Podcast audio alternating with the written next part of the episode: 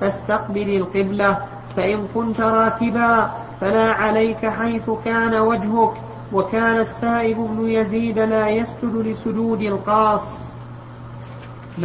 القاص يعني الذي يقص على الناس مثل ما نقول الواعظ. يقص على الناس القصص الوعظية فيأمر بالسجدة فلا يسجد لها. نقرأ كلام الزهري حول استقبال نعم. كلام, كلام الزهري حول استقبال القبلة. نعم. أقول نقرأ كلام الزهري حول استقبال. شرح يعني؟ أي. طيب. قوله وقال الزهري إلى آخره وصله عبد الله بن وهب عن يونس بتمامه وقوله فيه لا يسجد إلا أن يكون طاهرا قيل ليس بدال على عدم الوجوب لأن المدعي يقول علق فعل السجود من القارئ والسامع على شرط وهو وجود الطهارة فحيث وجد الشرط لزم لكن موضع الترجمة من هذا الأثر قوله فإن كنت راكبا فلا عليك حيث كان وجهك لأن هذا دليل النفل والواجب لا يؤدى على الدابة في الأمن. انتهى ما انتهى؟ في باب من رأى أن الله عز وجل لم يوجب السجود حدثنا إبراهيم بن موسى قال أخبرنا هشام بن يوسف أن عندنا آثار. موجود عندك؟ قرأناها أحسن الله إليك. نعم. قرأناها أحسن الله إليك. أنا كاتب عندها بلغ ما هي موجودة عندكم ها؟ تكلمنا آخر شيء على حديث أثر وكان السائب بن يزيد لا يسجد لسجود القاص شرحنا هذا؟ شرحنا هذا؟ أنا تو تو تأتي أعيد قراءة الشيخ إيه ما باب من رأى أن الله عز وجل لم يوجب السجود. وقيل لعمران بن حصين الرجل يسمع السجدة ولم يجلس لها. قال أرأيت لو قعد لها؟ كأنه لا يوجبه عليه. وقال سلمان ما لهذا غدونا؟ وقال عثمان رضي الله عنه. معنى الأثر هذا. أي ما لهذا غدونا؟ قوله ما لهذا غدونا هو طرف من أثر وصله عبد الرزاق من طريق أبي عبد الرحمن أبي عبد الرحمن السلمي. قال مر سلمان على قوم قعود فقرأوا السجدة فسجدوا فقيل له فقال ليس ليس بهذا غدونا وإسناده صحيح. يعني كأنه لم يسجد. كأنه لم يسجد. وكأنه أراد أن يدفع عن نفسه فقال ما لهذا غدونا. نعم. وقال عثمان رضي الله عنه إنما السجدة على من استمعها وقال الزهري يعني لا على من سمعها. والفرق بين المستمع والسامع أن السامع مرت على مسمعه كمرور الإنسان في الطريق والمستمع يتتبع قراءة القارئ ويتابعه. نعم. وقال الزهري لا يسجد إلا أن يكون طاهرا فإذا سجدت وأنت في حضر فاستقبل القبلة فإن كنت راكبا فلا عليك حيث كان وجهك. وقال السائل وهذا الذي يظهر أنه لا يجوز أن يسجد للتلاوة إلا إذا كان طاهرا وإلا فلا يسجد. أما سجود الشكر فلا يشترط له فلا تشترط له الطهارة لأن سجود الشكر يأتي والإنسان في غفلة وفي غرة. فظاهر النصوص أنه يسجد من حين أن يسمع الخبر السار أو اندفاع آه، النقمة على أي حال كان. نعم. وكان السائب بن يزيد لا يسجد لسجود القاص. القاص الذي يقص على الناس ويعظم بمواعظ وقصص فيمر بالسجدة فكان السائب لا يسجد لسجود القاص حدثنا إبراهيم بن موسى قال أخبرنا هشام بن يوسف أن ابن جريج أخبرهم. قال أخبرني أبو بكر بن أبي مليكة عن عثمان بن عبد الرحمن التيمي عن ربيعة بن عبد الله بن الهدير التيمي. قال أبو بكر وكان ربيعة من خيار الناس عما حضر ربيعة من عمر بن الخطاب رضي الله عنه قرأ يوم الجمعة على المنبر بسورة النحل حتى إذا جاء السجدة نزل فسجد وسجد الناس حتى إذا كانت الجمعة, الجمعة القابلة قرأ بها حتى إذا جاء السجدة قال يا أيها الناس إنا نمر بالسجود. فمن سجد فقد أصاب ومن لم يسجد فلا إثم عليه. ولم يسجد عمر رضي الله عنه وزاد نافع عن ابن عمر رضي الله عنهما إن الله لم يفرض السجود إلا أن نشاء. قوله إلا أن نشاء استثناء منقطع. والمعنى لكن إن شئنا سجدنا وإلا فلا. ولا يصح أن يكون استثناء متصلا لفساد المعنى. لأنه لو كان استثناء متصلا لكان المعنى لم يفرض لم يفرض السجود إلا أن نشاء فإن شاء فإن شئنا فرضه. وليس هذا المراد. وفعل عمر رضي الله عنه مع كونه الخليفة وكونه موفقا للصواب وحضور المسلمين معه ولم ينكروا عليه دليل واضح على أن سجود التلاوة ليس بواجب. وهذا هو الصواب. وأما من ذهب إلى أنه واجب واستدل بقوله تعالى وإذا قرئ عليهم القرآن لا يسجدون ففي ففي استدلاله نظر ظاهر لأن قوله إذا قرئ عليهم القرآن لا يسجدون المراد بالسجود هنا الخضوع العام يعني لا ينقادون له بدليل أنه ليس مجرد قراءة القرآن موجبا إيش؟ للسجود وعلى هذا فلا وجه فلا, فلا وجه لاستدلالهم بهذه الآية. على أن من استدل بها من كبار الأئمة العلماء لكن لكل جواد كبوة. جاء سؤال؟ نعم. نعم. نعم. يرد عليه بأن السجدة من الصلاة. فتدخل بعموم لا يقبل الله صلاة أحدكم إذا أحد حتى يدخل نعم سليم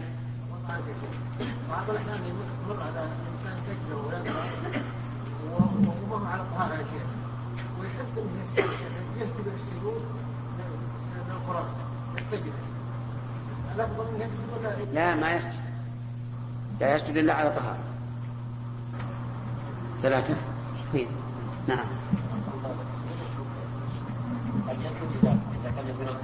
نعم. الله أعلم. باب من قرأ السجدة في الصلاة فسجد بها. حدثنا مسدد قال حدثنا معتمر قال سمعت أبي قال حدثني بكر عن أبي رافع قال صليت مع أبي هريرة العتمة فقرأ إذا السماء انشقت فسجد فقلت ما هذه؟ قال سجدت بها خلف أبي القاسم صلى الله عليه وسلم. فلا أزال أسجد فيها حتى ألقاه في هذا دليل على أن الإنسان إذا مر بآية السجدة في الصلاة سجد. ولا يقال إن هذه زيادة في الصلاة لأن نجيب عن هذا لأنها زيادة سببها تلاوة في الصلاة فهي من الصلاة في الحقيقة فيسجد لها. ويكبر إذا سجد ويكبر إذا قام. وقد فهم بعض طلبة العلم أنه لا يكبر إذا سجد ولا إذا قام بناء على اختلاف العلماء رحمهم الله في سجود التلاوة هل يكبر لها ويسلم؟ ولكن هذا بناء هذا بناء غلط لأنها إذا كانت سجدة التلاوة في الصلاة صار لها حكم سجود الصلاة. ولهذا لا يدخل فيها الخلاف هل يجوز أن يسجد إلى غير القبلة. فإن هنا يجب أن يكون السجود إلى القبلة. وأيضا فقد ذكر الواصفون لصلاة الرسول صلى الله عليه وسلم أنه كان يكبر كلما سجد وكلما كلما ركع وكلما خطأ. وهذا يدخل فيه سجود التلاوة. فعليه. إذا كان سجود التلاوة في الصلاة فإنه يكبر له عند السجود وعند النهوض.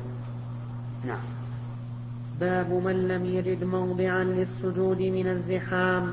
حدثنا صدقة قال أخبرنا يحيى عن عبيد الله عن نافع عن ابن عمر رضي الله عنهما قال كان النبي صلى الله عليه وسلم يقرأ السورة التي فيها السجدة فيسجد ونسجد حتى ما يجد أحدنا مكانا لموضع جبهته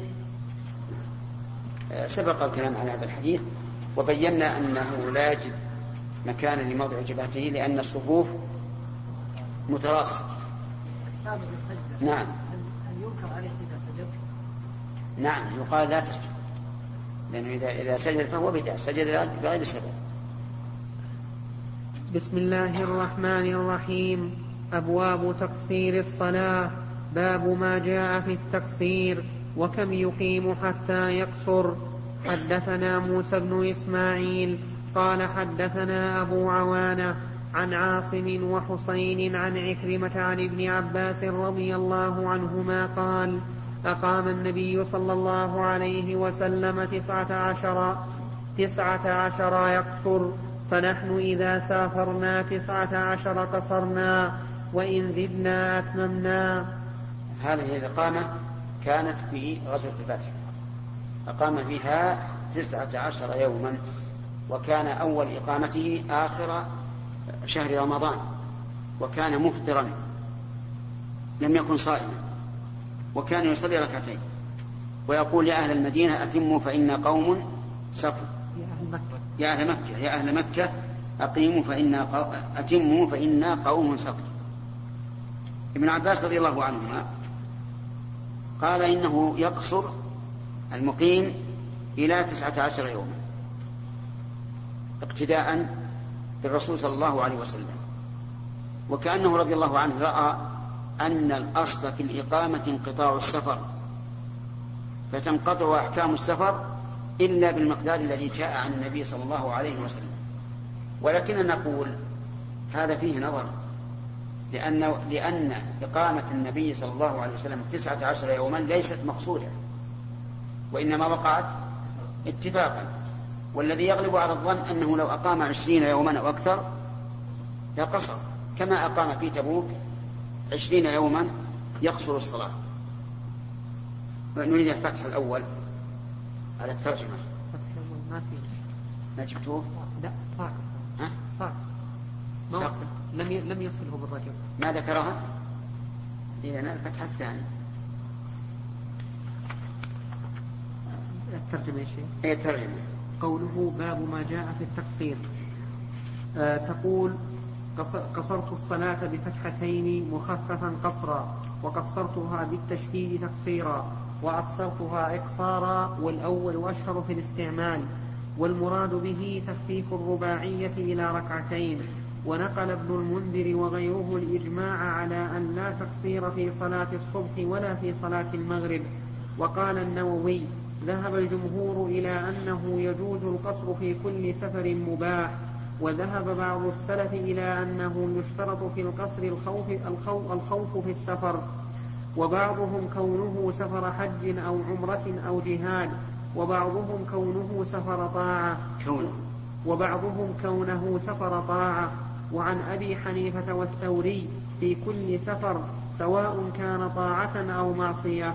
قوله وكم يقيم حتى يقصر في هذه الترجمة إشكال لأن الإقامة ليست سببا للقصر ولا القصر غاية للإقامة ولا لأن الإقامة ليست سببا للقصر ولا القصر غاية للإقامة. قاله الكرماني وأجاب بأن عدد الأيام المذكورة سبب لمعرفة جواز القصر فيها ومنع الزيادة عليها وأجاب غيره بأن المعنى وكم إقامته المغيات بالقصر وحاصله كم يقيم مقصر وقيل المراد كم يقصر حتى كم يقصر حتى يقيم أي كم أي حتى يسمى مقيما فانقلب اللفظ أو حتى هنا بمعنى حين أي كم كم يقيم حين يقصر. وقيل فاعل يقيم هو المسافر والمراد إقامته في بلد ما غايتها إذا حصلت يقصر. قوله عن عاصم هو ابن سليمان. بس. من؟ العين. أي باب ما جاء في التقصير وكم يقيم حتى يقصر. أي هذا باب حكم تقصير الصلاة أي جعل الرباعية على ركعتين والإجماع على أن لا تقصير في المغرب والصبح قوله وكم يقيم حتى يقصر. اعلم أن الشراح تصرفوا في هذا التركيب بالرطب واليابس. وحل هذا وحل هذا موقوف على معرفة لفظة كم ولفظة حتى ولفظة يقيم ليفهم معناه. بحيث يكون حديث الباب مطابقا له وألا يحصل الخلف بينهما فتكون الترجمة في ناحية وحديث الباب في ناحية. فنقول لفظة كم هنا استفهامية بمعنى أي عدد ولا يكون تمييزه إلا مفردا خلافا للكوفيين ويكون منصوبا ولا يجوز جره مطلقا كما عرف في موضعه ولفظة حتى هنا للتعليل لأنها تأتي في كلام العرب لأحد ثلاثة معان لانتهاء الغاية وهو الغالب والتعليل وبمعنى إلا في الاستثناء وهذا أقلها ولفظة يقيم معناها يمكث وليس المراد منه ضد السفر بالمعنى الشرعي. فإذا كان كذلك يكون معنى قوله وكم يقيم حتى يقصر وكم يوما يمكث المسافر لأجل قصد الصلاة وجوابه مثلا تسعة عشر يوما.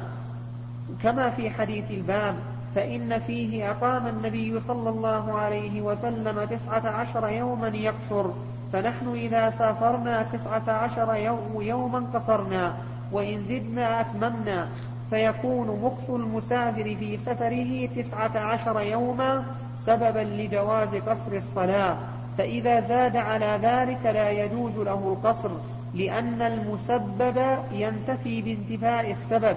فإذا عرفت هذا عرفت أن الكرماني تكلف في حل هذا التركيب حيث قال حيث قال أولا أقول هذا شو الحكم. يعني معنى العبارة واضح جدا. معناه وما الإقامة التي تمنع القصد. هذا هذا يعني كلام واضح بين. ما هي الإقامة التي تمنع القصر أربعة أيام عشرة أيام خمسة أيام أكثر أقل. هذا معنى كل كلام أحسن الله إليك في هالمقطع هذا على العبارة؟ لكن أقرأ الشرح موجود. الحكم هو ذكر يقول ذكر الأحاديث المختلفة في مدة إقامته صلى الله عليه وسلم بمكة والجمع بينها. طيب. طول طويل يا شيخ. نخليها الدرس القادم لأنه ما بقي إلا سبع دقائق على الجهة نستمر. حدثنا أبو معمر قال حدثنا عبد الوارث قال حدثنا يحيى بن, ابن أبي إسحاق قال سمعت أنسا يقول خرجنا مع النبي صلى الله عليه وسلم من المدينة إلى مكة فكان يصلي ركعتين ركعتين حتى رجعنا إلى المدينة. قلت أقمتم بمكة شيئا؟ قال أقمنا بها عشرا. يعني هذا في حجة الوداع. وإنما كانت إقامته عشرا لأنه قدم في اليوم الرابع وخرج في اليوم الرابع عشر فكانت الإقامة عشرة والحديث صريح جدا في أن منى وعرفة ومزدلفة داخلة في الإقامة. وأما من قال إن النبي صلى الله عليه وسلم أقام أربعة أيام ثم أنشأ السفر من حين أن خرج من مكة إلى منى للحج وقيد المدة التي يقصر فيها بأربعة أيام فلا شك في أن قوله تكلف وأنه مخالف لما فهمه من؟ الصحابة. أنس بن مالك رضي الله عنه. فأنس بن مالك كلامه هذا صريح في أن الرسول عليه الصلاة والسلام لم ينوي السفر من مكة إلا بعد أن أتم الحج. ولكن ما ذكرته لكم الآن يتبين لكم كيف يؤدي الاعتقاد بالعالم الفاضل إلى أن يصرف النصوص إلى معنى مستبعد. والذي حملهم على أن يقولوا أن الرسول أنشأ السفر للمدينة من حين أن أن أن خرج يوم الثامن من مكة هو اعتقادهم أنه لا يجوز. إيش؟ لا يجوز أن يقصر فوق أربعة أيام. قالوا ما لنا نتخلص إلا بهذا. فسبحان الله. يقال الغرض الذي جاء إليه الرسول عليه الصلاة والسلام هو الحج. فكيف تقولون أنه إذا شرع في الغرض فمعناه أنه شرع في السفر؟ لأن هذا هو معنى كلامه. أليس الرسول جاء ليحج؟ طيب. هل نقول إنه لما خرج إلى منى ثم عرف ثم مزدلفه ثم منى هل نقول إنه الآن من حين أن خرج إلى منى سافر؟ لا. لا. بل نقول كيف تجعلون الغرض الأصلي هو مبتدأ السفر مع أن الرسول إنما جاء له؟ لكن الذي يحمل على هذا هو الاعتقاد قبل الاستدلال. أسأل الله أن يعيذني وإياكم من هذا الطريق. ولذلك يجب على الإنسان إذا أراد أن ينظر في النصوص أن ينظر وقلبه خال خال من شيء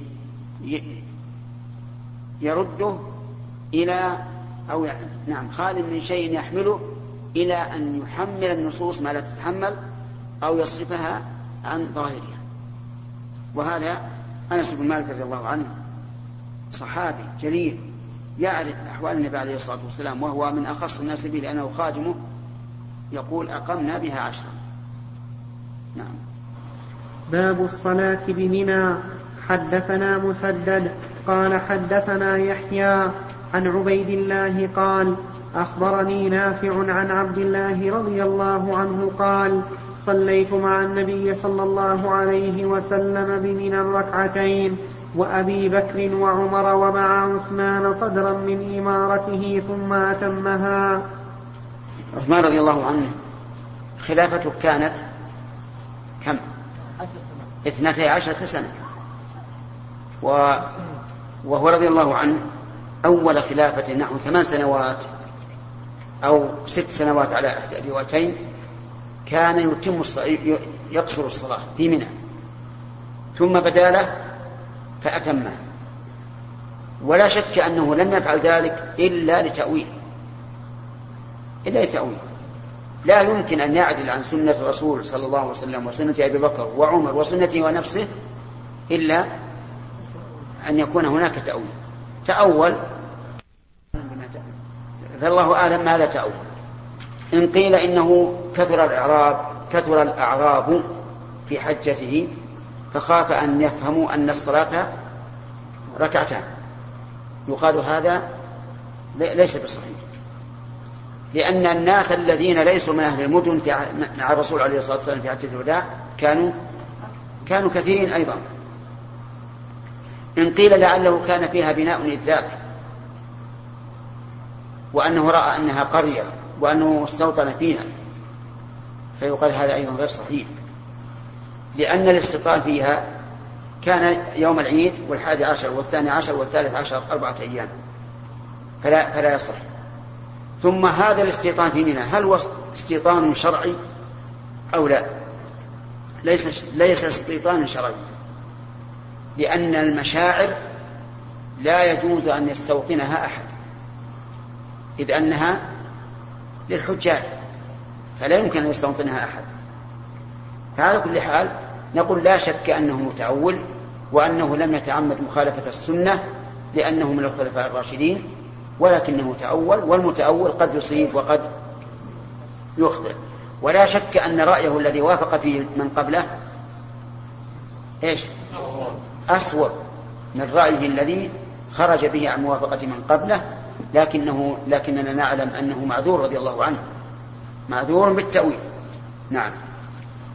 حدثنا أبو الوليد قال حدثنا شعبة قال أنبأنا أبو إسحاق قال سمعت حارثة بن وهب قال صلى بنا النبي صلى الله عليه وسلم آمن ما كان في من الركعتين. وذلك في حجة الوداع. والأمن قد ضرب أطنابه. وإنما قال ذلك ردا على من توهم أن قول الله تعالى إن خفتم أن يفتنكم الذين كفروا. يعني أول الآية وإذا ضربتم في الأرض فليس عليكم جناح أن تقصروا من الصلاة إن خفتم أن يفتنكم الذين كفروا. فظنوا أن هذا القيد باقي لكن الله رب, رب الرحمة والر... و... آه نعم. والمغفرة هو أهل التقوى وأهل المغفرة رفعه عن عباده. فإن عمر استشكل هذا إن خفتم أن يفتنكم. فسأل النبي عليه الصلاة والسلام فقال إن الله فقال هذه صدقة تصدق الله بها عليكم فاقبلوا صدقته. أفهمت؟ عجيب. نعم. نعم واضح. إذا هو قال آمن ما يكون لئلا يتوهم واهم أن قص الصلاة إيش؟ مقيد. مقيد بالخوف. أنا قلت رب الرحمة. فظننت أن أنها تشكل عليكم. فعدلت إلى تعبير آخر. فهل يصح أن أقول رب الرحمة؟ يصح. كما قال تعالى سبحان ربك رب العزة أما يصفون. وإذا جاءت رب مضافة إلى صفة من صفات الله صارت بمعنى صاحب لا بمعنى خالق. لماذا؟ لأن صفات الله ليست مخلوقة. فانتبه لهذه النقطة وعسى أن تكرهوا شيئا ويجعل الله فيه خيرا كثيرا. أنا كرهت حينما أدبرت رب الرحمة لكن لا بد من بيانه. والمراد رب الرحمة أي صاحب الرحمة. نعم. نعم يا سليم. مسعود على على عثمان رضي الله عنه. اصبر جزاك الله خير بقى حديثنا وناصر. أو هو الذي بعد هذا. يلا اقرأ. انتهى الوقت. ما انتهى الوقت. انتهى؟ سبحان الله. من طيب خاطر سليم؟ الوقت. لا. منتهي قبل لا القراءة حول ولا قوة إلا بالله. في باب أبواب تقصير الصلاة. باب الصلاة بمنى. حدثنا أبو الوليد قال حدثنا شعبة قال أنبأنا أبو إسحاق قال سمعت حارثة بن وهب قال صلى بنا النبي صلى الله عليه وسلم آمن ما كان بمنى ركعتين بسم الله الرحمن قول باب الصلاة بمنى ألب هنا بمعنى في يعني أنها للظرفية والباء تأتي للظرفية في اللغة العربية في مواطن كثيرة. منها قول الله تبارك وتعالى وإنكم لتمرون عليهم مصبحين وبالليل أي وفي الليل. أفلا تعقلون؟ ومنها معروفة أحد مشاعر الحج وقوله عن عبد الله من عبد الله هذا؟ لا ابن عمر. أخبرني نافع عن عبد الله. قال صليت مع النبي صلى الله عليه وسلم بمنى ركعتين وأبي بكر وعمر ومع عثمان صدرا من إمارته ثم أتمها.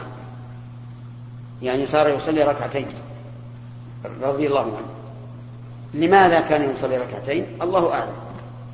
يعني لم يثبت سبب معلوم لصلاته ركعت أربع ركعات. لكنه لا شك أنه في أولافته كان يصلي ركعتين. نعم. حديث الشيخ الثاني القرآن الثاني. ثاني؟ إيه. نعم. كيف الثاني؟ اللي قرأنا الحديث الثاني هذا تكلمنا عليه في الدرس الماضي. أي طيب. الثاني قوله هو كالأول من حيث المعنى وإن كان الراوي غير ابن عمر. قال صلى بنا النبي صلى الله عليه وسلم آمن ما كان بمنى ركعتين. يعني آمن ما كان كأنه يريد أن يبين أن قول الله تبارك وتعالى فليس عليكم جناح من أن تقصروا من الصلاة إن خفتم أن يفتنكم الذين كفروا. فإن النبي صلى الله عليه وسلم في منى في حجة الوداع لا يخاف ذلك. ومع هذا كان يصلي ركعتين. فدل هذا على أن قوله تعالى إن خفتم شرط عفى الله عنه. نعم. حدثنا قتيبة قال حدثنا عبد الواحد عن الأعمش قال حدثنا إبراهيم قال سمعت عبد الرحمن بن يزيد يقول صلى بنا عثمان بن عفان رضي الله عنه بمنى أربع ركعات فقيل, فقيل ذلك لعبد الله بن مسعود رضي الله عنه فاسترجع ثم قال صليت مع رسول الله صلى الله عليه وسلم بمنى الركعتين وصليت مع أبي بكر رضي الله عنه بمنى الركعتين وصليت مع عمر بن الخطاب رضي الله عنه بمنى الركعتين. فليت حظي من أربع ركعات ركعتان متقبلتان. ولا شك أن الركعتين في السفر خير من أربع ركعات. وفي قوله فاسترجع ما يدل على أن ابن مسعود رضي الله عنه يرى وجوب القصر في السفر. وهذه المسألة فيها خلاف بين أهل العلم. كما العلماء من يقول إن القصر في السفر واجب وأكثر العلماء يقولون إنه ليس بواجب. والصحيح أنه ليس بواجب لأن عبد الله بن مسعود وهو الذي استرجع من إتمام عثمان رضي الله عنه كان يصلي خلفه يصلي خلفه أربعا. ولو كان القصر واجبا ما صلى خلفه أربعا. لأنه لأن الإنسان إذا زاد ركعة واحدة عن الصلاة الواجبة بطل الصلاة.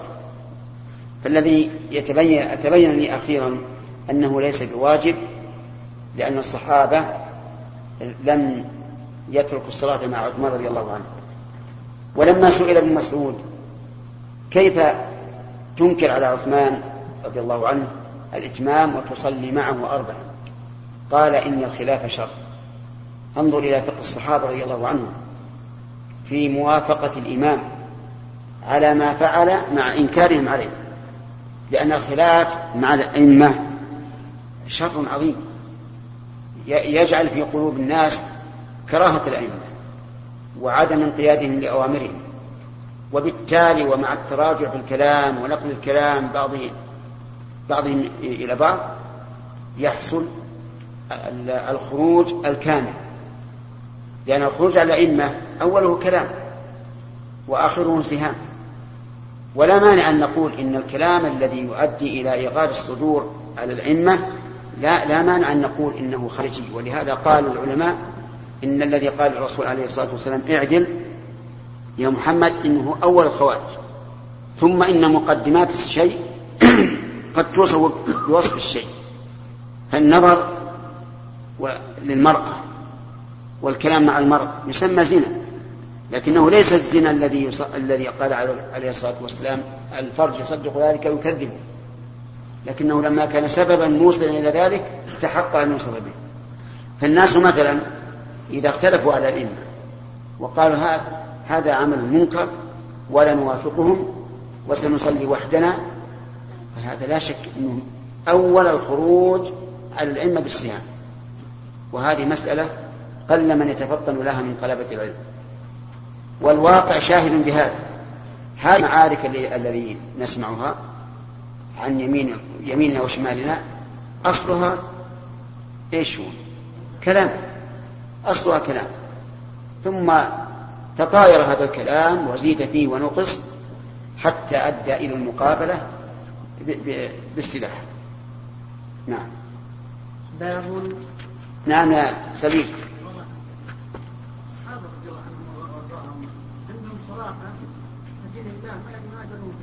نعم.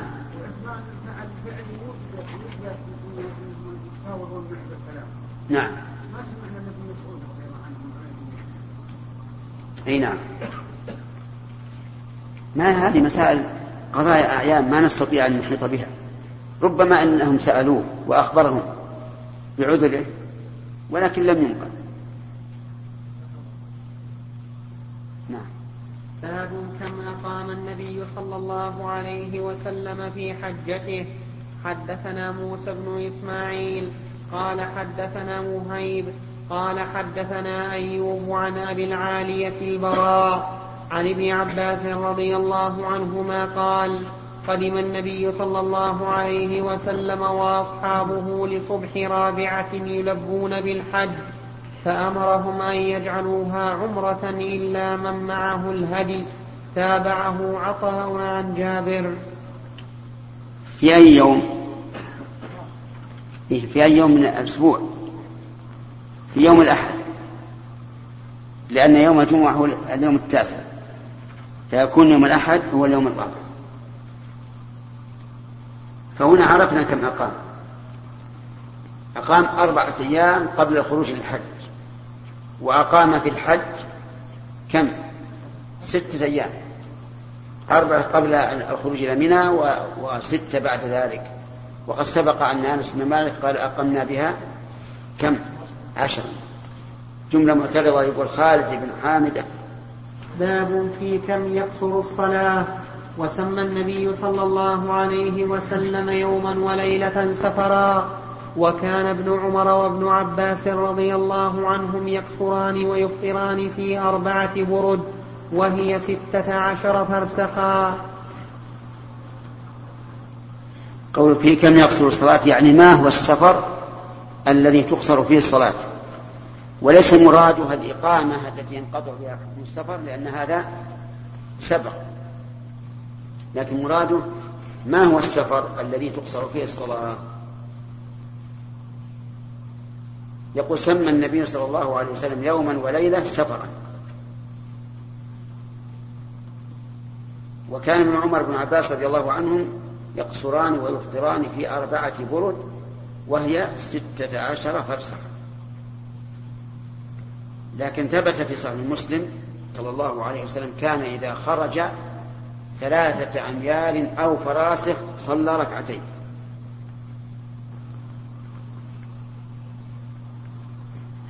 نعم.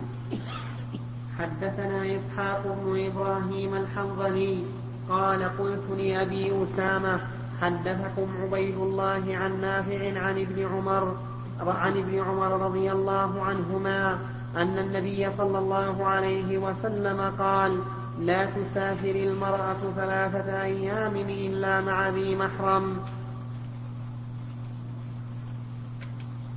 حدثنا مسدد قال حدثنا يحيى عن عبيد الله عن نافع عن ابن عمر رضي الله عنهما عن النبي صلى الله عليه وسلم قال لا تسافر المرأة ثلاثا إلا مع ذي محرم.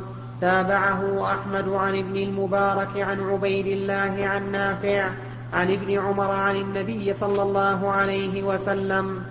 حدثنا آدم قال حدثنا ابن أبي ذئب قال حدثنا سعيد سعيد المقبوري عن أبيه عن أبي هريرة رضي الله عنه قال قال النبي صلى الله عليه وسلم لا يحل لامرأة تؤمن بالله واليوم الآخر أن تسافر مسيرة يوم وليلة ليس معها حرمة. تابعه يحيى بن أبي كثير وسهيل ومالك عن المقبوري عن أبي هريرة رضي الله عنه.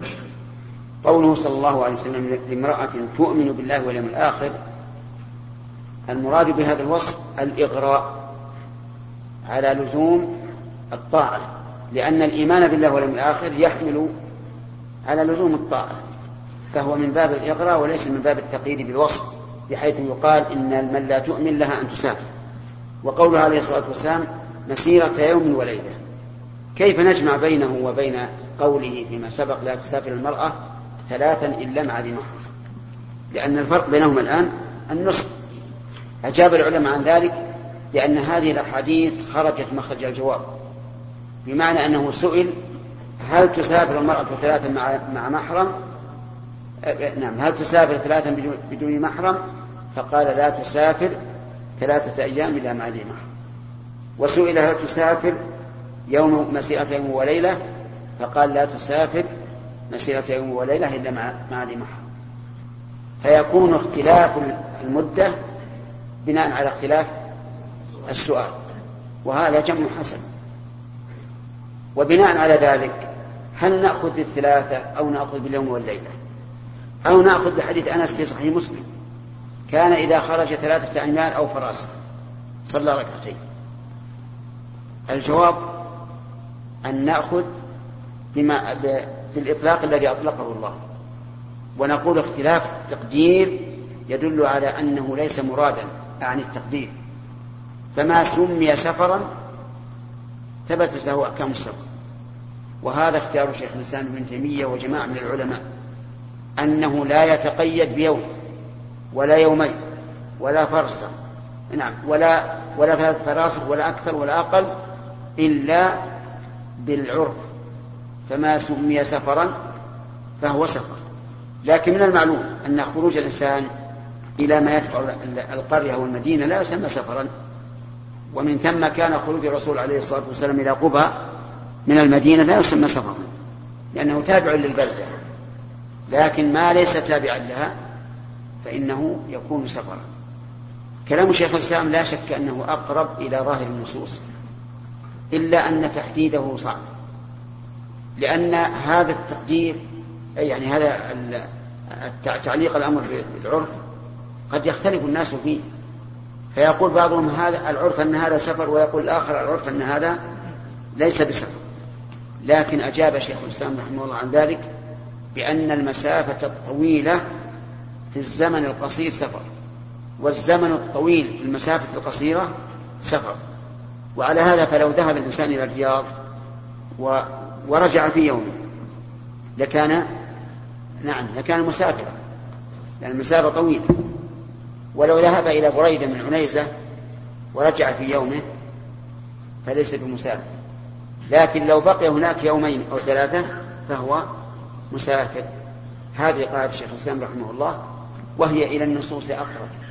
لكن رأي الآخرين الذين يقولون إنه محدد بالمسافة وهي نحو 83 كيلو أقرب إلى الضبط والانضباط. فيقال مثلا من بلغ هذه المسافة فهو مسافر سواء بقي يوما أو يومين أو شهر أو شهرين أو آه ذهب من ساعة رجع من ساعته.